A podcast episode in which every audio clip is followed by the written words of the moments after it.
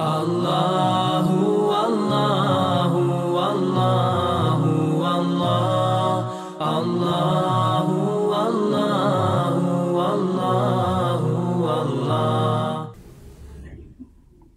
إن الحمد لله تعالى نحمده نستعينه ونستغفره ونستهديه ونعوذ به من شرور أنفسنا ومن سيئات أعمالنا من يهده الله تعالى فهو المهتد ومن يضلل فأولئك هم الخاسرون وأشهد أن لا إله إلا الله وحده لا شريك له وأشهد أن محمدا عبده ونبيه ورسوله وصفيه من خلقه وخليله ثم أما بعد. واتبعوا ما تتلو الشياطين على ملك سليمان وما كفر سليمان ولكن الشياطين كفروا يعلمون الناس السحر. Mi smo u našem prošlom predavanju govorili nešto o ovom hadisu, odnosno ovom ajetu, ovom dijelu ajeta i spominjali smo hadis a, da je a, Lebid ibn al-Asam opsihrio poslanika sallallahu alaihi selleme pa da su došla dvojica meleka i obavijestila poslanika sallallahu alaihi znači da se radi o sihru. A, došli smo do pitanja propis sahira, propis onoga koji pravi sihr i koji se bavi, znači, ovim prljavim poslom. Islamski učenjaci imaju različita mišljenja kada je riječ o propisu sahira. Imaju e, različita mišljenja s različiti aspekata posmatrano stanje a, ovoga sihirbaza. Pa se razilaze prvo da li je on tim postupkom izišao iz vjere ili nije izišao iz vjere. Pa ima oni koji prave razliku između onoga koje je napravio sihr koji je sam po sebi nevjerstvo i oni koji kažu, je tako, koji je napravio sihr nečim da opsihri čovjeka poput određenih ovaj trava koje se pravi i bile, pa da čovjek time da mu pomuti razum, kažu to nema ništa sa, sa kufrom u smislu džina i šeitana i tako dalje. Pa se različi na mnogo mišljenja a, i razilaze se onda da li je takav, da li je takav čovjek a, da li ga treba pogubiti ili ga ne treba pogubiti.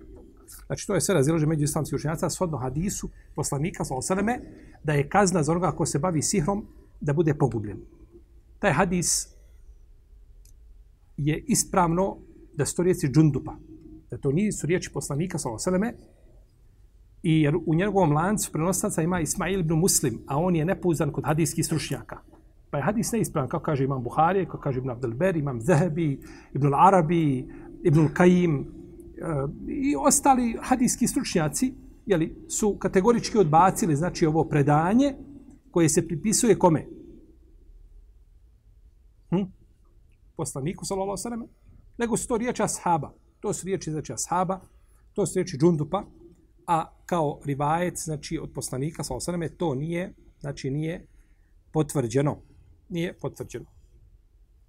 Pa se sod do tome razišli. Znači, međutim, ima veliki broj ashaba koji su kazali, znači među ashabima i generacijama nakon njih učenjaka koji su kazali, znači da sihirbaz zaslužuje znači pogubljenje, ali to je znači isključivo pravo, ili tako, vlasti, nikako pojedinaca i skupina a, da nekoga kažnjavaju na takav način.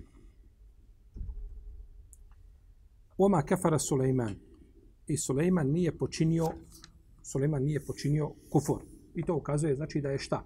Da je bavljenje sihom, znači nevjerstvo. Da je bavljenje tom naukom i tim poslom nevjerstvo. Potom se razilaze učenjaci može li se tražiti od sihirbaza da on izliječi nekoga koje, koga je neko opsihrio. Jedan sihir, sihirbaz opsihrio čovjeka, može li se otići kod drugog pa da ga ovaj liječi? da mu obesnaži sihr koji je napravio. To se zove nušra.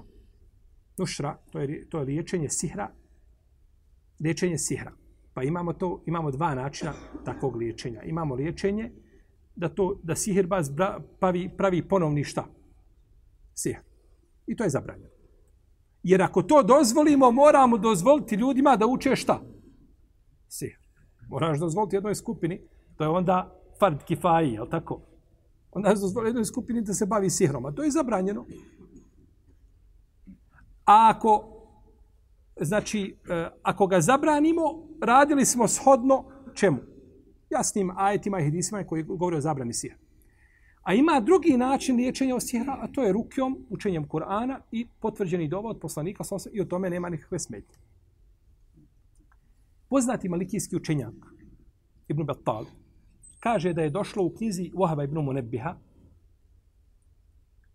da je rekao da se, da se može liječiti sihr na način da se uzme sedam listova od lotosa koji se osuše, potom se samelju i nakon toga se naspe vode, preko toga nauči sajetul kursija na to i onda to se time se čovjek tako, okupa.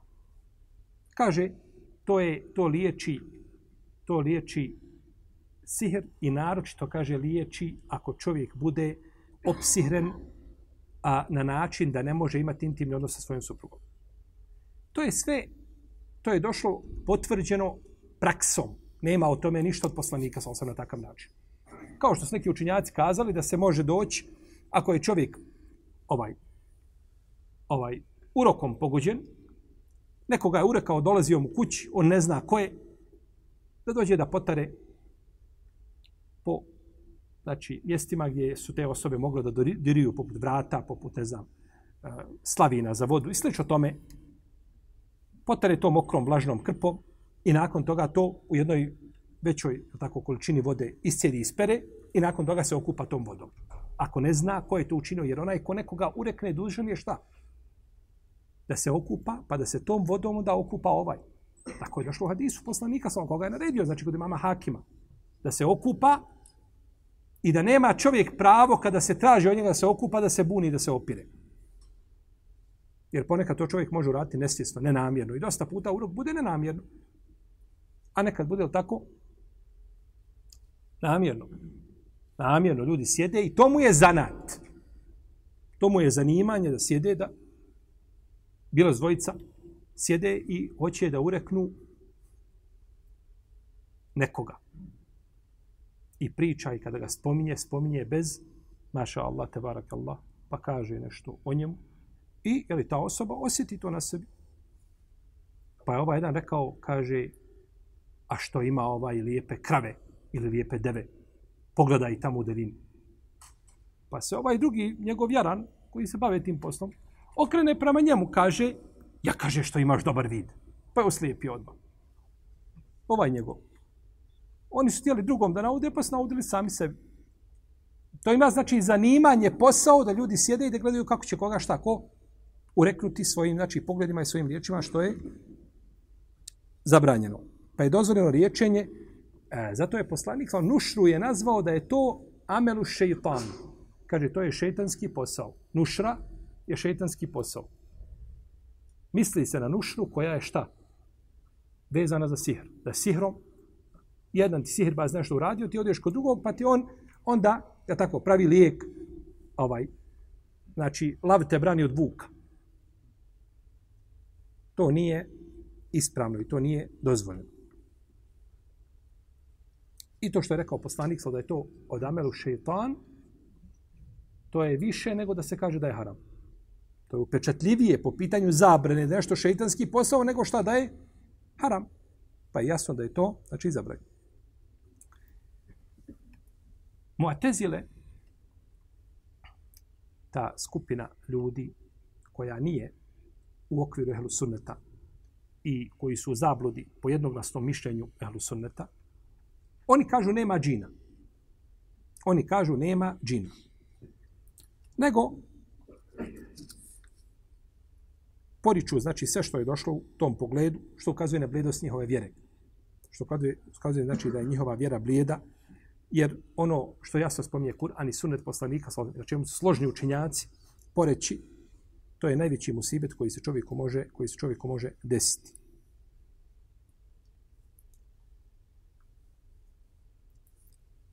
Oma halektul džinne u linse ilali abudu. I nisam stvorio ljude ni džina da nego šta da ne obožavaju. Obožava, uzvišeni Allah je stvorio nešto što ne postoji da ga obožava. Ja ne znam, stvarno, ponekad čovjek može stati razilaženja koje je došla fikske prirode, gdje je elastičnije, gdje, gdje mogu biti, jel tako, ovaj, svatanje, razumijevanje iz dokaza. Međutim, da se poreknu jasni ajeti koji govore o tome, to je, to je nedaća. O jeume jahšuruhum džemijan, ja mašar el džinni kad istekcertu min el insi. Spominje opet džine i ljude. Na dan kada ih proši, proživi sviju i da su se puno koristili jedni drugima. I kaže uzvišenje Allah te barak je o teala, a,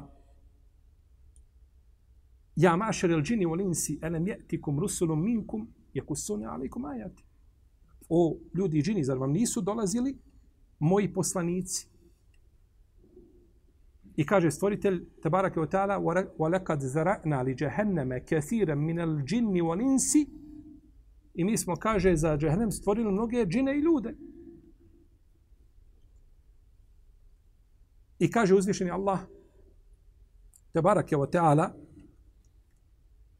وحشر لسليمان جنوده من الجن والإنس فهم يزعون spominje uzvišeni Allah vojsku Sulejmanu od ljudi od džina. Kale ifritu min al džinni ene atike bihi kable ente kube min mekamik. Ifrit od džina reče. Ifrit koji je bio džin, koji nije postojao, niti postoji ta vrsta, on je rekao. I kaže uzvišenje Allah Azza wa Ja mašer el džini wal ins, in istatatum en tenfudhu min aqtari samavati wal ardi fenfudhu, la tenfudhune ila bi sultan. Ja, znači, ajeti brojni o tome, hadisi poslanika sa osanem. Zar ne kod Buhari kod muslima došao da je Buhurere da je poslanik sa osanem rekao zabranio je ashabima da se brišu nakon fiziološke potrebe s kosti balegom. Kaže, to je hrana vaše braće džina. I bio jednog dana poslanik, sal kako došao od Isu Mesouda kod muslima u Sahihu, bio je sa ashabima. Pa je nestao. Na večer. Nema ga. Pa su ga tražili po eh, ovaj puteljcima, sokacima, dolinama. Nisu ga mogli naći. Pa je tek ujutru došao. Kaže, Allahu poslaniče, pa gdje si? Ne, ne, samo si nam nestao. Kaže, došao mi je glasnik od džina, pa sam otišao sa njima, pa sam im učio Kur'an. Došao mi je glasnik od džina koji ne postoje, pa sam im učio Kur'an. Pa nas je, kaže, odveo, kaže Abdullah ibn Sud, pa nas je odveo do mjesta, pa smo vidjeli tragove vatre gdje su palili vatru. I kod muslima u sahiju, je tako? Nemojte piti, jesti lijevom rukom, jer šeitan jede i pije lijevom rukom. Kod Ibn Hibana u sahihu, hadis Ajše, koji ima dobar lanac prenosilaca, da je poslanik sa u namazu, jedne prilike ruku ovako uzeo pa stegnuo. Pa su ga pitali, lao poslaniče, šta si uradio, šta je to bilo? Kaže, došao mi je šetan i počeo mu metati u namazu. Kaže, pa sam ga stisnuo i kaže, davio sam ga. Tako kaže da sam osjetio hladnoću njegovog jezika na mojoj ruci. Kaže, da nije bilo dove moga brata Sulejmana, kaže, vidjeli bi ga, kaže, zavezanog, ljudi bi ga ujutru vidjeli zavezanog, ovaj, znali bi kakav je. Znači, brojni hadisi o tome je došli i ajeti, i konsensus učenjaka i nakon toga dođu i kažu ljudi to ne postoji, džini ne postoji. Dobro, ako je tako, onda možemo poreći džennet i džehennem, lako je tako. Na isti način, kako nisi džina vidio, tako nisi vidio džennet i džehennem. Vidio je poslanik, vidio je on džennet i džehennem. I pored toga ti se usudio da ih porekneš, znači porećeš postojanje gajba, sve što se tiče gajba. Gdje tu vjera? Uzvišen je Allah, ono što traži od nas jeste da vjerujemo u gajb. I da vjerujemo ono, jeli, o čemu nas obaviješti nas stvoritelj Tabarake, o teala. Uglavnom, to mišljenje Motezila je batil da ne može biti veće. A, poslanik to kaže kad neko od vas zjeva, neka, šta? Stisne koliko može. U namazu, znači stisneš koliko možeš. Mimo namaza staviš ruku. A u namazu stisneš, nećeš u namazu staviti ruku. Jer kaže šeitan ulazi u usta, ulazi u unutrinu čovjeka. I kola čovjekom kao što kola, po, znači njegovim, šta? Tijelom krv. Pa čovjek ne mora, znači, ovaj osjetiti nužo šeitana, ne mora i vidjeti, ali dovoljno je da vjeruje ono o čemu ga obavijestio stvoritelj te barake o teanu. Dobro. Oma uzira alel melekejni. I ono što je objavljeno dvojici meleka ovaj dio ajeta je najproblematičniji u ovom ajetu za mnoge ljude. I ono što je objavljeno od dvojici meleka, znači došla su dva meleka koji su ljude poučavali sihru. Došla su dva meleka koji su ljudi poučavali sihru. Naravno, autor je odabrao mišljenje, ono Kurtubi je odabrao mišljenje da su to bila Harut i Marut, da su bili šta? Da su bili šeitan. Da su bilo šeitana, džinski šeitana, koji su ljude poučavali šta? Sihru. Međutim, ovo mišljenje je sporno. Pored veličine imama Kurtubija, i sa drugim ufesiri svi složili sa njim. Ispravno je da su Harut i Marut bili dva čovjeka. Bili dva čovjeka koji su živjeli u Babilonu, koji su ljude poučavali sihru. Koji su ljude poučavali sihru. Zato što Harut i Marut, znači nisu definitivno meleki, o tome ćemo govoriti. Da li su džini? Da li je uloga džina da kažu innema nahnu fitnetun fela tekfur? Mi smo samo iskušenje, nemoj kufr počiniti. Ili to oni žele od čovjeka? Naprotiv, oni hitaju kad tome da čovjeka odvedu u dalalet. Pa ne mogu biti nikako šeitan. Nego isprav da sto dva čovjeka. Pa bi značenje ajeta, prevod ispravan ajeta, mi smo preveli onako kako kod nas u prevodi. Ispravan prevod ajeta bi glasio ovako. A Sulejman nije bio nevjernik, nego su nevjernici šeitani koji ljude uče vrađbini u Babilonu Haruta i Maruta, a to nije objavljeno dvojici Meleka. U redu, još jedan put. Znači, a Sulejman nije bio nevjernik, nego su nevjernici šeitani koji ljude uče vrađbini u Babilonu Haruta i Maruta. Ko su Harut i Marut? Od ljudi. Šeitani uče u Babilonu šta? Čemu su ih poučavali? Dobro, šta je sad ispravno? To je razumijevanje među učinjacima. I veliki broj selefa ima koji je kazao, imao Selef učinjaka koji je kazao da se ovdje radi o dva meleka. Kaže, uzvišeni Allah ima pravo da iskušava ljude čime hoće i kako hoće. I poslao je, kaže, dva meleka koji su šta? Učili ljude sihru, ali prije toga govorili, kažu, nemojte šta? Nemojte ovo činiti, jer ovo je kufr. Pa je ispravno da se radi znači o dvojici ljudi, a ne radi se znači nikako o dva meleka. Iako ima i to šta? Ima i to mišljenje. Ima mišljenje znači da se radi o dvojici meleka, kaže uzvišeni Allah ima pravo da iskušava ovaj. Kako dvojici meleka? Šta je bilo sa njima? Kažu da su meleki kazali gospodaru Azeođel, navodi se u predanjima, rekli gospodaru, mi smo ovaj, čude se ljudima kako su ljudi nepokorni. Pa uzvišen je Allah rekao, kaže da ste vi na njihovom mjestu i da ste njihove prirode i vi biste bili ko oni. Kažu, slavljen neka si ti to nama ne priliči da mi budemo takvi. Pa je rekao uzvišen Allah Melekima, kaže, odaberite dvojicu najbolji. Pa su odbrali Haruta i Maruta. Dvojicu šta? Odabrani Melek. Pa je spustio na zemlju i učinio je u njima šehvete i prohtjeve koje ima pri sebi ko? Čovjek. Pa je pa su iskušani jednom ženom. Iskušani jednom ženom. Da, kada su je vidjeli, odmah je poželjeli. Tako. Dok su je vidjeli lijepo, odmah poželjeli. I ona kazala, ne, kaže, morate ući u moju vjeru. Pa su odbili. Kaže, ako odbijete, onda trebate popiti alkohol, trebate ubiti znači, nedužnu osobu, trebate uraditi nešto zla. Pa su pristali da popiju alkohol i da ubiju nedužnu osobu i tako dalje pa su, pa su ih ispitivali o najvećem Allahom imenu kojim se može penjati u nebo. Pa su ih kazali ime. Pa se popela u nebo, htjela da ode gore negdje, pa, a ona se zvala Zuhera. E, Zuhera, a to je Venera u prevodu. To je Venera. Pa je otišla gore negdje i Allah je pretvorio u šta? U Veneru koju vi danas imate, ne ovdje, nego gore. Imate gore Veneru, koju je, pre, iz, on je nju obli, ubličio u, u jednu planetu, jel u redu? I tako je ona ostala. E, to je rivajet koji se spominje, koji se pripisuje Ali Rade, ono to bila živno džerira taberi u svome tefsiru i drugu. Međutim, vidno je iz ove predaje, jel tako, da ona, da je to od Benu Israila. Benu Israil, oni se nisu libili nimalo da poslanicima pripišu i nemoral i konzumiranje alkohola i sa čerkom nemoral i ovaj kao što radili sa Lutom, ali i selam.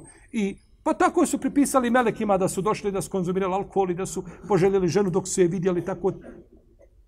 To je znači sve bilo od koga? Od Benu Israilu. I to sve rivajeti koji se pripisuje Benu Israilu, nije od toga ništa potvrđeno poslaniku, poslanika sallallahu alaihi wasallame, to je daif. Uzvišeni Allah kaže za meleke, la ja'sune Allahe ma emerehum, o jefa'alune ma ju'merun. I nisu Allahu nepokorni u pogledu onoga što im naredi. I čine ono što im se naredi. I kaže uzvišeni Allah azza wa ibadu mukremun, la jesbikunehu bil qawli, ohum bi emrihi ja'melun. Za meleke kaže, to su poštovana, čestita bića. Oni, znači, ne govore dok im on ne odobri. Ništa ne rade osim po Allahovoj, znači, naredbi. Yusabbihuna al-layla wan-nahara la yafturun. I dan i noć Allaha sval, slave i veličaju i nije im to, to im nikad ne dosadi. Pa onda popio alkohol i ubio nevino. To je nemoguće. To je suprotno onome što ljudi znaju o melekima. To je neispravno. Pa znači Harut i Marut nisu nikako bili šta dvojica meleka, nego su bila dvojica ljudi. Ovdje je bitno naglasiti, braću, svaki rivajet koji dođe, koji je, ima pri sebi jaku slabost, rivajet je potpuno slab, ništavan, on se ne može pojačati mnoštvom puteva. Skoro sam čuo jednog našeg uvaženog profesora, kaže, kada hadis dođe u više različitih zbirki, kaže, to je dokaz da je da ima temelj, iako bio slab. To nikakav dokaz nije živio. To nikad niko od uleme kazao nije na zemlji. Niti će kazati do sudnjeg dana. To što dođe hadis u 30 hadijskih zbirki, to nikakav nije dokaz da je on nešto jak. Ako je došao jednim putem. A može doći u jednoj hadijskoj zbirci sa više puteva i da bude jak. To broj zbirke nikakve veze nema s tim. Nego broj puteva i mnoštvo puteva kojim je rivajet prenešen i da nije potpuno slab, da nije ništavan, nego da je pri njemu slabost e, e, onako blaga koja se može pojačati drugim rivajetom. Pa je Znači, kada nešto dođe od poslanika, sa osaname, to treba ispitati. Ovo što se pripisuje, znači, poslaniku, sa osam da je rekao, ili pripisuje se ovdje ashabima konkretno, to treba ispitati nužno. Jer ponekad dođe a, rivajet koji je batil, koji je neispravan sa e, desetinama različitih puteva i samo ti putevi, mnoštvo tih puteva, na što nam ukazuje? Na slabost rivajeta. Ti mnoštvo puteva pojačava slabost. Kako? Imamo hadis u kome se kaže da je poslanik sa osma rekao Iza ra'aytu Muawiyata 'ala al-minbari faqtuluhu, a u drugom rivajetu farjumuhu. Kad vidite Muaviju na minberu, kaže ubijte ga. A u drugoj predaji kaže kamenujte ga. Ovaj hadis bilježi imam Ibn Adi, sam vidio Kamil, bilježi Ibn Uđeuzi u svojim lažnim hadisima i drugi. Kaže neki učenjaci da ima oko stotinu puteva. Kako im možemo stotinu puteva, jedan hadis Pa jedan čovjek lagao i mijenjao imena sebi, nazive, imena i nadimke sebi mijenjao, uvijek isto istom se čovjeku radi da bi ukazao kako ima mnoštvo šta? Puteva. A poslanik sam dovio za Muaviju, hadis kod Tirmizije u sunenu, Allahume džalhu hadijen mehdija. Dovio za njega, dovu mu činio. I onda nakon toga kaže, kada vidite na mimberu, šta? Kamenujte ga. Pa je jedan došao lažov koji je mijenjao boje i odijela, odore, i predstavljao se po drugim imenima i onda kaže vidi šta ima putevama. Da i još toliko ima deset puta, to samo ukazuje da da je jedan čovjek znači pokušao da uprlja čast našeg djeda Muavije ibn Abi Sufjana radijallahu ta'ala. Neki učinjaci samo kažu da je to, da je to uh, Muavije ibn Tabuh koji je bio munafik. Kaže to se odnosi na Muaviju, našeg Muaviju, ashaba častnog, nego odnosi se na jednog munafika. Međutim, hadis je batil kao hadis je batil. Jer svaki hadis koji dođe, na njega možemo posmatrati, ha, možemo posmatrati njegovu, a, možemo, ga, možemo mu prigovoriti putem njegove spoljašnjosti ili unutrašnjosti. Jel u redu? Unutrašnjost hadisa je tekst hadisa kontekst hadisa koji je došao. A njegova spoljašnjost kojom se prenosi je sened. Pa ako je sened hadisa ispravan, osnova je da je ispravni hadis. Pod uslovom da se taj hadis ne kosi sa osnovama i temeljima din islama. Jer učinjaci kad govore šta je sahih hadis, oni kažu sahih hadis je ono što ima spojen lanac prenosilaca od početka do kraja, prenosi ga čovjek koji ima pri sebi vjeru, koji je mu'min, koji ima dobro pamćenje, od istog do kraja, znači seneda, i da nije izniman i da nema skrivene mahana. To je pet uvjeta sahih hadisa. Četvrti i peti šta? Da nije izniman i da nema skriveni mahana. Izniman može biti hadis da je po spolješnosti lanac ispravan, ali kosi se kuranskim postavkama i kosi se drugim vjerodostanim hadisima, iako mu je lanac ispravan, taj se hadis neće prihvatiti. Ali se kosi tome shodno riječima učenjaka, a ne shodno riječima ljekara i tesara i zidara.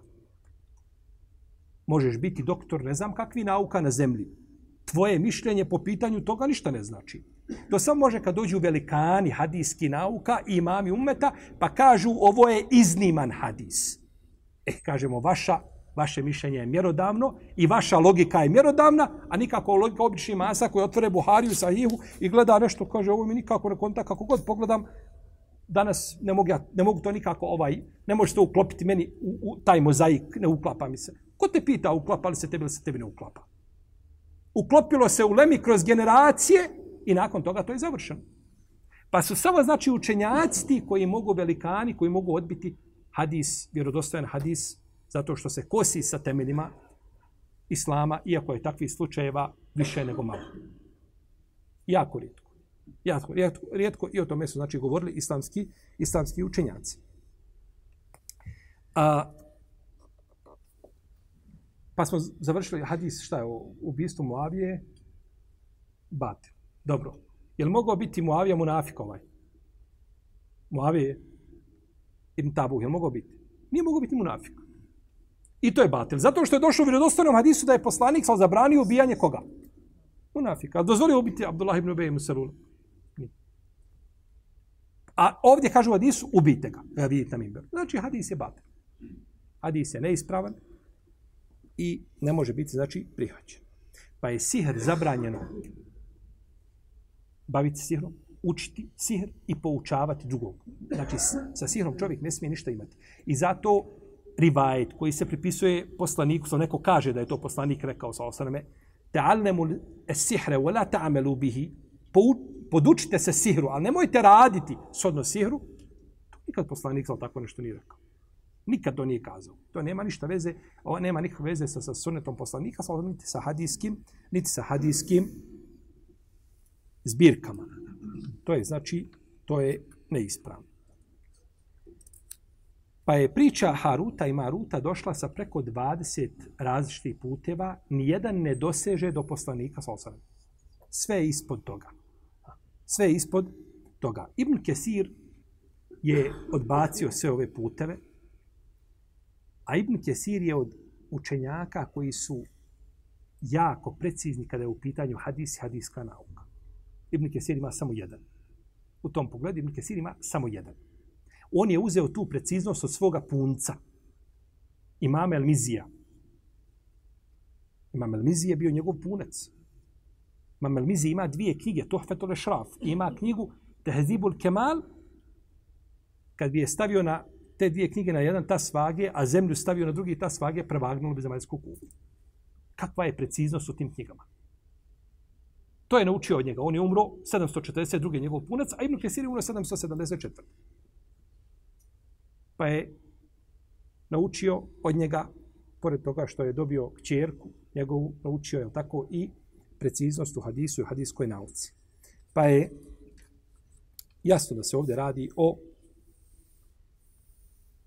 rivajetima Benu Israila, da ovo nema ništa sa vjerodostojnim sunnetom, i da je znači neispravno kazati da su meleki poučavali ljude kufru. Uzvišeni Allah kaže wala yarda li ibadihi al-kufr. Allah nije zadovoljan da, mi, da mu ljudi čine šta? kufur. I kaže, ovo kerrahe ilaikumul kufre, ul fusuka, ul isjan. I on vam je omrzio u vašim srcima nevjerstvo i nepokornost i griješenje. I nakon toga pošalje meleke da podu... To je, to je neprihvatljivo sa bilo kog znači aspekta posmatrano i ti rivajeti znači su definitivno neispravni. Čak se kaže da su oni onda imali priliku da odaberu hoće li da budu kažnjeni na Dunjalu ili da budu kažnjeni na Ahiretu. Pa su odabrali Dunjalučku kaznu nad Ahiretskom. Pa što znači da bi trebali do danas danas da žive, da su kažnjavani, tako dok je Dunjalu kada bi izbjegla Ahiretsku kaznu. Sve znači priče koje nemaju nikakve osnove. Innema nahnu fitnetun telatekfor. Kaže, mi smo iskušenje, a ti nemoj biti nevjernik. Ovo je rahmet uzvišenog Allaha prema, ben, prema Benu Israilu, da im pojasni, jel tako, šta je za njih šer i šta je zlo. Šta je za njih šer i šta je za njih zlo. Međutim, oni su, kada smo govorili o, o ovaj, za njih, da su oni nadojeni teletom. Tako su bili nadojeni sihrom. Čuli su da ne smiju to raditi preko svoga poslanika i odmah su pristupili šta? Tome i bavili se. Liči mi ovo na ono kada je Jakub ali kada rekao svojim sinovima ovaj o je haf on je kulehu zib kaže ja se bojim ako on ide sam da će ga pojest vuk došlo na večer šta kažu? Fekelehu zib kažu pojeo ga vuk kao da im je on otvorio vrata rekao im kako će se pravdati. A tako tako su oni nemojte to činiti odmah su znači okrenuli i pristupili znači raditi suprotno ono što od njih poslanici ali traže fe je ta'allamuna minhuma ma yufarrikuna bihi al-mar'i wa zauđe. Pa su učili od njih kako će rastaviti muža od žene. Oni su učili od njih. Znači, oni su bili tulabul ilm. To su bili učenici. Nauku stjecali. Učili kako će rastaviti koga? Muža, muža, jeli, od žene. Pa su uzeli sebi sihr, menheđ u svome životu. Kao što čovjek kaže, menheđ u mome životu je pokornost gospodaru, a za uđeo shodno Kur'anu i sunnetu i praksi prvih generacija, tako su on uzeli sebi šta? Sihr za menheđ u životu. Što je znači? Što je prava propast. U ovom ajetu ima jedno dodatno skriveno značenje. A to je da Benu Israil, da je njima specijalizacija da kavgaju među ljudima da kavgu pravi. A najviše vole kavga tako što naprave kavgu gdje? Među supružnicima. Ali znači općenito znači među ljudima kvarenje tih odnosa, to je bila znači njihova njihova je li specijalizacija. A čovjek kada se pokvari, žena u Kur'anu je nazvana, kaže se o sahibi bil džemb i drugu pored tebe. Mnogi učenjaci Selefa kažu da je to žena. Drug pored tebe. Gdje god se okreneš, je tako, pored tebe ne možeš u trgovinu, ne možeš ni u kući, ni nikad nisam, gdje ovo greš, kaže, drug pored tebe. Mnogi kažu će da je to žena, zato što je uz tebe. I onda da se to razvali, to je znači, to je njima bilo, jeli, to je njima bilo najdrže. Pa je u ovom majetu isto tako a, dokaz da je cijepanje i, i kvarenje međuljudskih odnosa pogrdno. A naročito kada je riječ o kome? O supružnicima kaže poslanik sallallahu hadis koga bilježe Abu Davud kaže lejse minna men habbebe imra'eten ala zeuđiha. kaže nije od nas onaj ko a digne svo, ženu protiv njenog muža wala abden ala sejidihi niti roba protiv njegovog vlasnika nije od nas da digne ženu bil ne mora on nju da ona se razvede da mu bude nepokorna slušaj živa bila nemoj ti njemu tako pusti to Nemoj ti njemu plaho popustati, nemoj ti njemu plaho ugađati, to ne valja.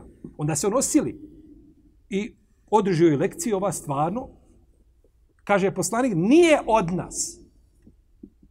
To ne pripada, to ne pripada svatanju razumijevanju ove vjere. To nije moj sunnet da dođe neko i da digne ženu muža. A šta onda da učini od žene nemoralnicu ili da je ovaj dođe do talaka i slično tome, pa je to znači, to je zabranjeno. Pa sihr, sihr u nekim slučajima može ubiti čovjeka. To su rijetki slučajevi. više sihr djeluje na čovjekovu dušu i njegovo srce i njegove emocije nego što djeluje na njegovo šta? Tijelo. Pa je ovdje spomenuto ono što djeluje na emocije ili na tijelo?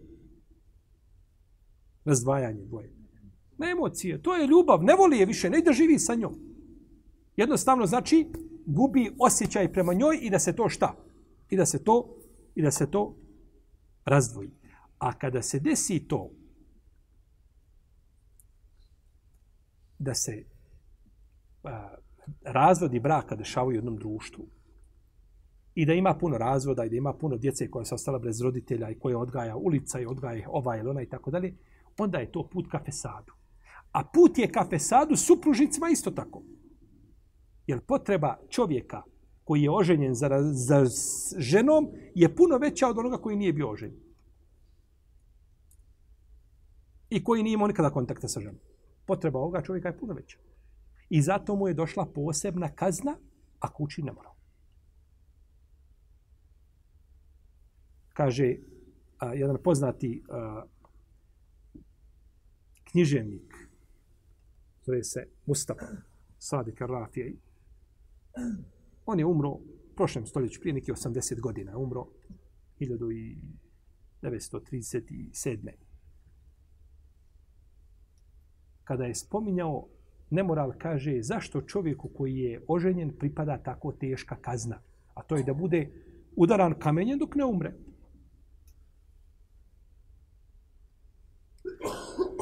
Kaže, on je razvalio kuću. On je tim nemoralom razvalio šta? kuću. A kuću kad razvali, šta ti ostane? Gomila kamenja, je tako? Ništa, razvalio s kuću, to je gomila kamenja. Neka se je kuća prelo čega? Kamenja. To je gomila kamenja. Pa kaže, to kamenje treba negdje upotrebiti. On je razvalio ku, radio na razvaljenju. Radio, ti si razvalio jednu porodicu. Tim svojim činom. A to je put kada kada se razdvoji, znači muž i žena, naravno tamo gdje se nije lahko ženiti. Kod nas je ovdje u našim podnebljima, oženi danas se razvedeš, sutra već ujutru je mlada, ili je već dogovoreno. Imate, braćo zemana, gdje čovjeka se razvede, to je to. Imao si ti i tvoja sreća. I što nisi čuvao. I nema više druge. Jer trebaš ponovo rad 20 godina da se možeš oženiti. Pa to nije jednostavno. To je musibet i ne da će za ljude. Pa onda nastaju, onda nastaje fesad i nastaje nered po zemlji. I šetan često, džini, često ljude uznemiravaju, supružnike, da vidi muža svoga u liku kome on nije. I šta smo puta imali priliku da čujemo kada dođe do intimnog kontakta među supružnicima, kaže ja vidim da je, pa, to je to je zvjerka nekakva meni prišla. To nije nikako čovjek. Jer on se tako ga predstavi i onda, znači, to najlakše ona dolazi do čega? Jer boji se živjeti sa njim. Ja ne znam ko je to, više nije taj čovjek s kojim sam, za koga sam se udao. I onda tu dolazi, znači, do, rasta, do rastave brakova i dolazi do kvarenja, znači, tih odnosa. Oma hum bi darine bihi min ehadin illa bi iznillah. I oni nikome ne mogu štetiti Oma hum bidarine bihi min ehad ama baš nikome. Općenitost, nikome ne mogu šteti osim Allahovom dozvolom. Ako Allah dozvoli, Allahovom voljom mogu štetiti. Ovdje je bitno naglasiti da ovdje se radi o Allahovoj dozvoli, volji kosmičkoj a ne radi se o šerijatskoj. Jer shodno Allahovoj kosmičkoj volji dešava se ono što Allah voli i ono što Allah ne voli. Dešava se ono što Allah voli i ono što Allah ne voli. A shodno šerijatskoj ne dešava se nego ono što Allah voli. Allah sve što je objavio u Kur'anu i sunnetu, je li time zadovoljan? Definitivno. A. El jevme ekmeltu lekum dinekum, wa etmemtu alejkum ni'meti, wa raditu lekum el islame dina. Ja sam zadovoljan da vam islam bude vjera, kaže uzvišeni Allah. zadovoljan Allah, zadovoljan Islam, sve što je objavio. Međutim, u kosmičkoj volji Allahove se dešava ono što Allah voli, ono što Allah ne voli. Ono što uzvišen Allah voli i ono što ne voli. Pa to treba znači razdvojiti i ne treba to, ne treba to znači miješati. Sihirbaz, on ne slijedi Allahov sunnet na zemlji. Znači, sihirbaz ne slijedi Allahov sunnet na zemlji. On hoće da preskoči sve, sva pravila koja je uzvišen Allah postavio na zemlji. Po pitanju obskrbe. On kada nešto pravi, kada nešto priprema ljudima, on se tako, pre, tako ga šeitan, tako, tako, tako mu se predstavi, kao da je Dunjaluk pred njim i da je to sve njegovo vlasništvo, može uzeti šta želi od Dunjaluka. I onda mu Allah ne da, ne da, mu, ne da, mu, ne da mu onoga bereketa u tom riziku tako. Rizik ima svoj put.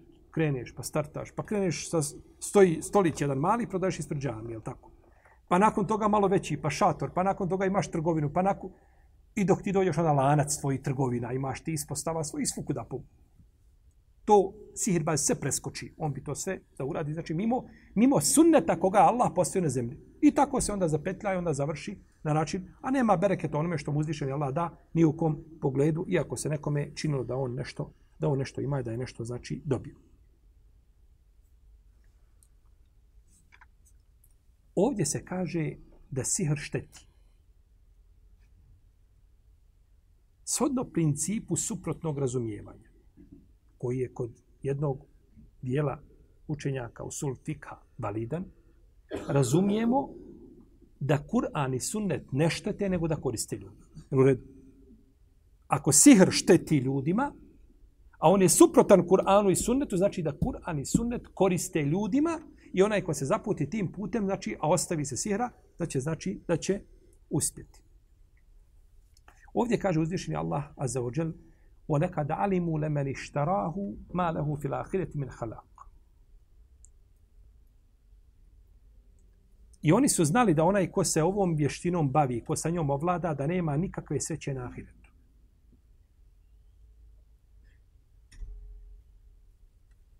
Ovdje su došle u ovom ajetu tri potvrde. Tri potvrde da sihirba zna da na ahiretu nema nikakvog udjela. Kaže se u ole, u ole kad. Lam za potvrdu i kad za potvrdu.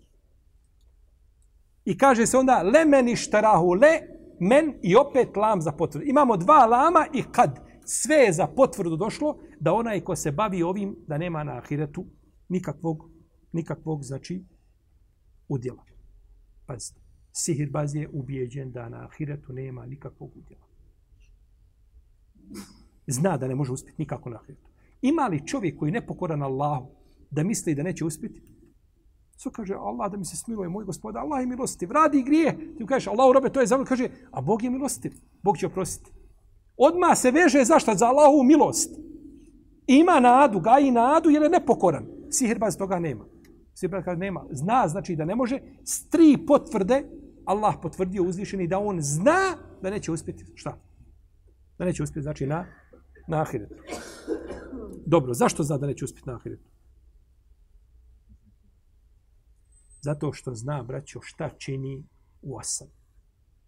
Pred ljudima se predstavlja, on te donese mushaf, otvori suru kul huvallahu ahad, on te tebi neko prouči, jel tako? Proučiti unazad suru kul huvallahu ahad. Unazad ti prouči, jel, da pokaže kako on ne puno uči Kur'an, valjda. I ovaj, ali on zna šta čini u osami. Jer zna kakve postupke mora činiti, šta mora raditi da bi mu džini bili pokorni. I zna, znači da takav kao takav ne može uspjeti nikako. Ubijeđen je 100%. Nema sumnje u sebe da, da mu nema uspjeha na ahiretu. Pa je ovdje uzvišeni Allah potvrdio sahiru znanje. Pazite. Potvrdio mu je znanje. One nekadali mu lemeni štarahu. Oni su znali sigurno da onaj ko se time bavi da nema udjela. Pa mu je potvrdio znanje da onaj ko se bavi sihrom da na ahiretu nema šta? Udjela. I sihrbaz ima to znanje. Ali mu je negirao drugu vrstu znanja. Kaže, leu kjanu ja'lemun. Ma lehu fil ahireti min halak. Ne, da su oni znali. Šta da su znali sad? Pa je drugu vrstu znanja Allah negirao. Potvrdio im jednu vrstu znanja, a negirao drugu vrstu znanja. Druga vrsta znanja koja je negirana, to je znanje o stvarnosti te kazne i da je imaju ispred svojih očiju i da imaju to ubjeđenje. To, su, to im je znači izmaklo. Jer je li moguće, braćo, da čovjek kaže ne klanjam i Allah će me kazniti džehennemu. I zna stvarnost džehennema i ne klanja? On samo tako kaže džehennem. To je riječ koja izlazi na, na jeziku. Pa on nije stvarnost te kazne imao ispred svojih šta? Očiju. I nije razmišljao o njoj. I nije poznavao. Pa mu je Allah negirao tu vrstu znanja. Jer da je to poznavao, ne bi činio ono što čini definitivno. Pa je to, znači, druga greška njihova što nisu poznavali, znači, stvarnost a, jeli, a, te kazne. Šehul Islam ibn Hajar ima dijelo koje se zove Bezlul Ma'un fi fadli ta'un. Ima dijelo koje je štampano na 450 strana. Od 156. do 171. strane u tom svom dijelu je napravio poseban jedno, jedno poglavlje šta čovjek da uči da se sačuva džina. Šta čovjek da uči da se sačuva džina. I to nije mogao uraditi niko nego poput Ibn Hadžara neko ko je proveo svoj život među knjigama i oko knjiga i gdje se okrenuo su bile su knjige oko njega. Jer je bio odgovoran za biblioteku u Kairu, pa je imao dostupno što nisu drugi učenjaci imali. Braćo, ima knjiga, Ibn, Ibn, Ibn Hajar spomnio u svojim dijelima knjige za koje Ulema nije čula nikada. Ne da i nisu vidjeli te knjige, nisu čuli za te knjige. U svome dijelu Fethul Bari je spomenuo 1453 knjige u svome dijelu komentarno Buharin Sahih u 13 tomova, 1653 knjige je spomenuo, ja vjerujem da ima tu desetine i desetine knjiga za koje nikad ulema velika nije čula, a kamoli da se vidjela svojim očima. Jer nije to bilo kao, u naše vrijeme, odeš ispred Fahadove džamije i za 20-30 maraka kupiš knjigu. To je bilo, hoćeš knjigu u 15 tomova, moraš sjesti i prepisati. Znači, moraš izgubiti dvije godine, tri godine u prepisivanju jedne knjige. U drugačije nemaš knjigu. Šejh Albani je svojom rukom prepisao Ihya Ulumidin od imama Gazali. Svojom rukom. Pogledajte kolika je ono knjiga strahota za vidjeti kada se tako kada se oštampa u onim. To je šejh Albani svojom rukom prepisao, jer nije imao knjige. Jedan, čuo sam jednog od njegovih učenika, naših šehova, da je govorio, kaže, donio mi je šejh, kaže, Albani peti tom svoji daif silsila hadisa. Da pregledam. I kaže, kad sam uzeo, kaže, zaplakao sam. Donio mi je, kaže, listove napisane, onaj papir što se stavlja u njega banane kad kupujete u trgovini. Papir da ona vreća. To je, kaže, isjekao i povukao crte po njemu, redove napravio i kaže, tu je pisao, na to je pisao hadise i ocene hadisa. Jer nije imao para da kupi papir.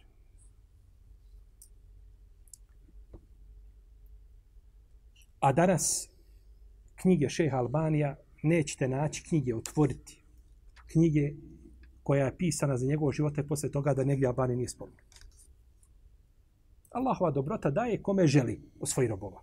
A nije imao papir, znači pisao je, kaže na papir, a to što jedne strane da je ispisan, pa da on na drugu stranu piše i da je papir, gdje god je bilo slobodno u papiru, to napravi, znači, kvadratić i tu piše što ima upisati. Kaže, da ovaj men da ja to pregledam. Kaže, pa sam zaplakao, kaže, kad sam vidio, kaže, u kakvom je halu i kakvom je stanju rahimahullahu ta'ala.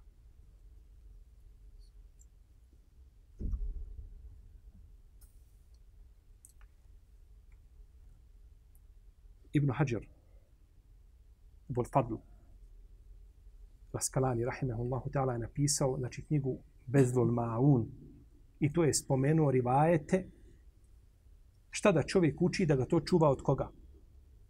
Od džina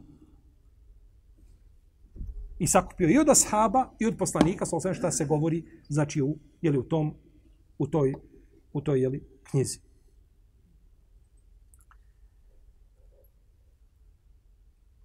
I od stvari koje je lijepo spomenuti jeste da džini imaju veću snagu od ljudi tu tjelesnu kada su u pitanju postupci.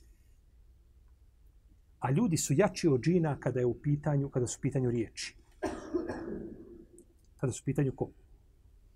Riječi. Kaže uzvišenje Allah Azza wa Jal, Kul lejni čtemati insu wal džinnu ala je'tu bi misli hadel Kur'ani la je'tune bihi walau kane ba'duhum li ba'din zahira. Reci kada je kada bi se sakupili i ljudi i džini. Da dođu sa ovim Kur'anom kako jeste, kaže ne bi uspjeli. Pa je spomenuo prvo koga? Ljude. Reci kada bi se sakupili ljudi i džini. Ne bi mogli na, napisati Kur'an te riječi takve. A kada govori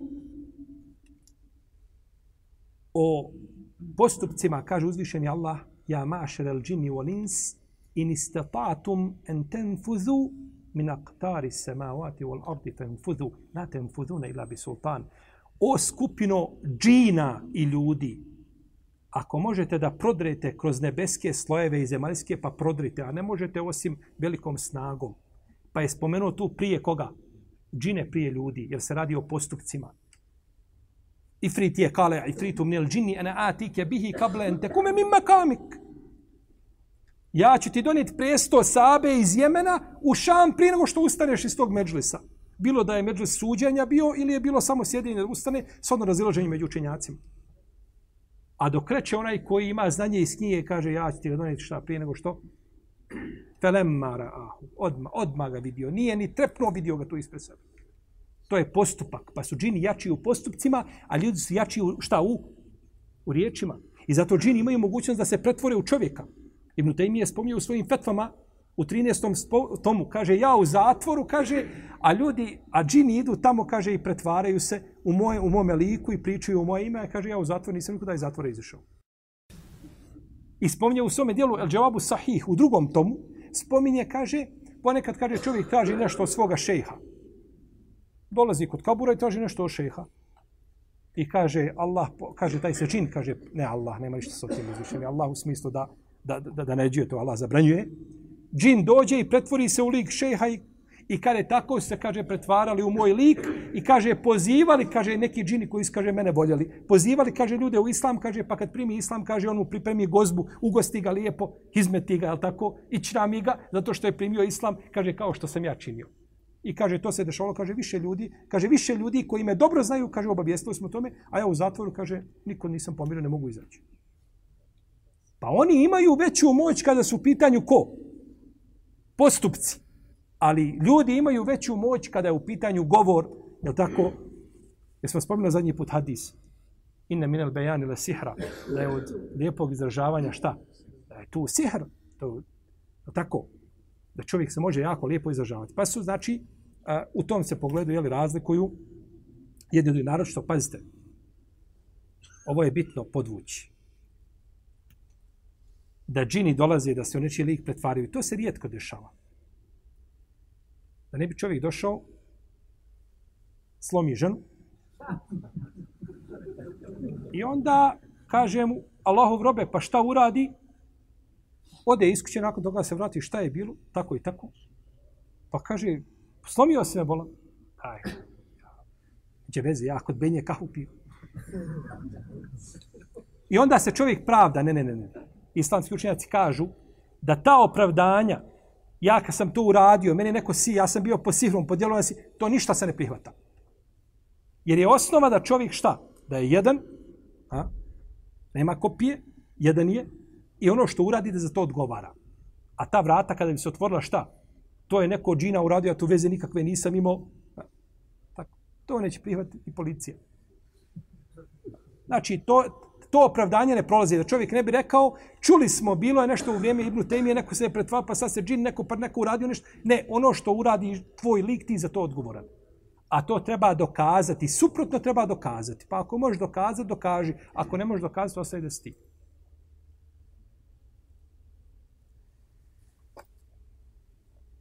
Dobro. Ostalo mi još nešto malo vezano za ovaj ajet pa ćemo inša Allah to završiti u narednom predavanju i možda nastaviti na ajetom koji dolazi nakon toga. Allah ta'ala nam usali Allah nam Muhammed ala alihi wa sahbihi Allahu Allahu Allahu Allahu Allah. Allah.